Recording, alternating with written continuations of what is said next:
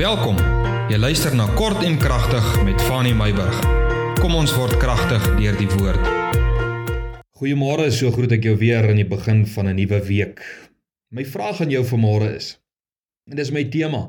Wat as Lazarus nie opstaan nie? Ek verwys spesifiek na daardie verhaal wat Jesus na Lazarus toe gegaan het en hom uit die dood het opgewek het. Martha en Maria het Jesus laat kom en gesê Jesus, jou goeie vriend Lazarus is baie siek, hy gaan sterf as u nie kom nie, kom asseblief gou. Jesus het al lank getalm, Lazarus het gesterf. Jesus het uiteindelik by hom uitgekom. Hy het gesien hy's dood en 'n groot wonderwerk gedoen, Lazarus uit die dood uit opgewek.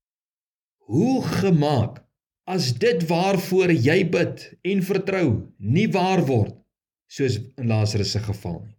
En wat van as jy mense vertrou het en geglo het, hulle kan bid dat mense gesond word en dat mense vrygemaak kan word en dat daar voorsiening los gaan kom as hulle bid en hulle gebede word nie waar nie. Wat van as dit gebeur? Hulle sê, hierdie manne en vroue wie jy vertrou het, hulle sê hulle is gestuurdes van die Here, hulle is kinders van die Here, manne en vroue van God. Hulle glo in werk, wonderwerke. Hulle lê mense die hande op en dan gebeur die wonderwerke nie. Jy's teleurgestel. Want die Lazarus, waarvoor jy bid en waarvoor jy die Here vertrou, staan nie op nie. Spesifiek verwysend na hierdie Lazarus, wat nou eintlik Jesus se verhaal is. Weet ek vandag dat wanneer Jesus vir iemand sou bid, of dit nou 'n siekte, dood, ongesteldheid of een of ander gebrek is dat elkeen ongetwyfeld gesond sou word. Want Jesus is immers God. Stem jy met my saam? Want Jesus is God.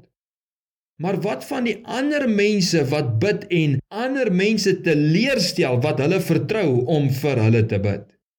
Matteus 17 vers 14 wil ek gou vir jou lees tot vers 16. Die res gaan ek net aanhaal. Matteus 17 vers 14 En toe hulle by die skare kom, gaan daar 'n man na Jesus toe. Hy val voor hom op sy knieë neer en hy sê: "Here, Ontferm U oor my seun, want hy is maansiek en hy ly swaar. Want dikwels val hy in die vuur en dikwels in die water. Met ander woorde, sy ouers is bekommerd, hy gaan sterf. En ek het hom, ek het my seun na U disippels gebring en hulle kon hom nie gesond maak nie. Geweldig teleurgestel. Die mense is geteleurgestel in die manne van God.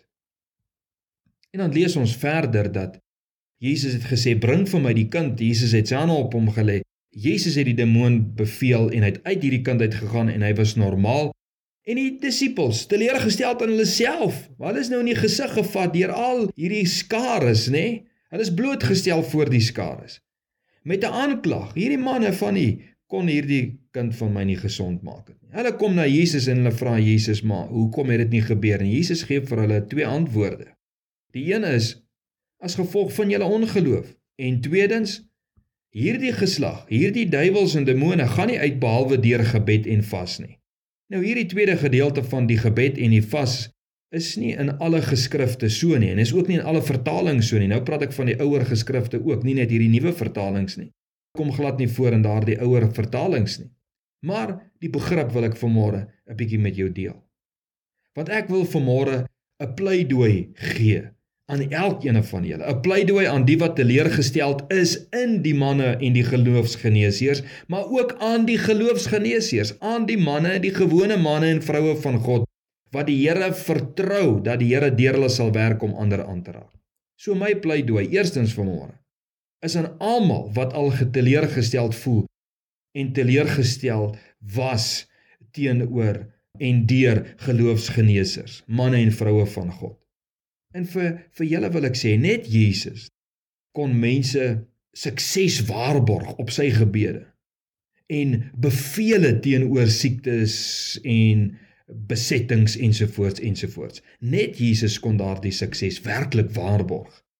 Tog was Jesus op 'n stadium ook teleurgesteld in sy eie dorpsmense want daar kon hy ook nie so baie wonderwerke doen soos wat hy gedoen wou gedoen het nie want hulle sê Jesus het in hom wat Jesus is, seun van God, man van God nie geglo nie.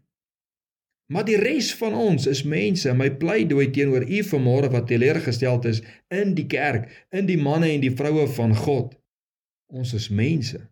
Ons sien die voorbeeld en die opdrag van Jesus en ons reageer daarop deur te bid en te vertrou en te glo op ons feilbare manier dat God wel ons gebede sal beantwoord. En tog faal ons. Ons is skuldig soos die disippels. Want ons geloof skiet ook kort. En ons kan dalk nie altyd onderskei of die vir wie ons bid met kritiek dalk in hulle eie harte sit wat maak dat hulle nie glo. So my pleidooi vanmôre is aan u wat teleurgesteld is, wees genadig. My pleidooi is moenie in God en sy genesingskrag twyfel omdat die mens jou teleurgestel het nie. Hou aan om God te vertrou. En maak soos wat hierdie ouers dalk gemaak het. Gaan self na die Here toe. Dis nie onmoontlik nie. Vertrou die Here self. Tweedens, diegene wat in die gesig gevat is, die disippels, die manne en die vroue van God wat in hulle self teleurgesteld was dat hulle nie kon bereik wat Jesus op aarde kon bereik het nie. Jy wat disipel van God is. Vir jou wil ek sê, man en vrou van God, alhoewel die opvolgende antwoord van julle moet glo en dis as gevolg van julle ongeloof dat die wonderwerk nie gebeur het nie, die opvolgende antwoord van Jesus wat nie in alle vertalings dan nou vervat is rondom gebed en vas nie, wil ek jou tog bemoedig en vir jou vanmôre sê, Jy is 'n disipel soos al die ander disippels van Jesus. Jy's niks beter nie, maar jy is ook niks slegter nie. Die disippels kon nie die krag van God openbaar. Onthou die disippels kon nie die krag van God openbaar terwyl hulle Jesus in persoon gesien en sy lering ontvang en gesien het hoe hy dinge gedoen het nie. Hulle kon nie daai krag openbaar het nie. Hoeveel te meer ek en jy nie man en vrou van God. Dis goed om soos die disippels teleurgestel te wees, natuurlik. En te vra, Here, maar hoekom nie? En my aanmoediging aan jou is ook eenvoudig. Jy weet geloof is een van die maklike woorde in die Bybel om uit te spreek en om aan te haal, maar dis een van die moeilikste begrippe om toe te pas tot wonderwerke. Paulus sê dat hierdie wonderwerke ook te doen het met die Heilige Gees. Met ander woorde as deel van die gawes van die Heilige Gees en dat God hierdie gawes aan elkeen gee soos wat dit nodig is en wanneer dit nodig is vir hierdie geweldige belangrike taak. Nou wat Jesus wel gesê het wat ek en jy kan toepas is om wel te vas en te bid. Want deur te vas gee ons tog die basiese behoefte van ons menswees kos, nê? Ons gee dit prys met die hoop om God se krag in ruil te verkry. daarmee sê ek nie ons kan God se arm draai nie. Ek wil hê jy moet die begrip verstaan. Deur te bid, betrek ons God. Dat daai alleen gebed voor God betrek ons God. Ons lê ons tyd aan ons hoogmoed, lê ons af. Ons verklaar ons afhanklikheid van God. En deur hierdie twee aksies te doen, begin geloof tog in my in jou hart wortel skiet, soos daardie klein mosterdsaad maar 'n magtige mosterdsaad. Soveel so dat al was sy saad klein dan staan hy en hy pryk bo al die ander uit met sy wortels diep gegrond in die genade van die Here. So vir jou wil ek sê man en vrou van God, skep moed. As jy voel jou gebed het gefaal, gaan terug in jou gebed en jou vas, vertrou Heilige Gees en Heilige Gees sal sy gawe gee wanneer dit brood nodig is vir hierdie wonderwerk. Ek seën jou vanmôre hiermee. Mag die Here jou bemoedig, versterk en bekragtig. Mag die Here jou vrede gee, blydskap gee, oorwinning gee in hierdie week wat voorlê. Totdat ons dan môre verder uit die woord gesels.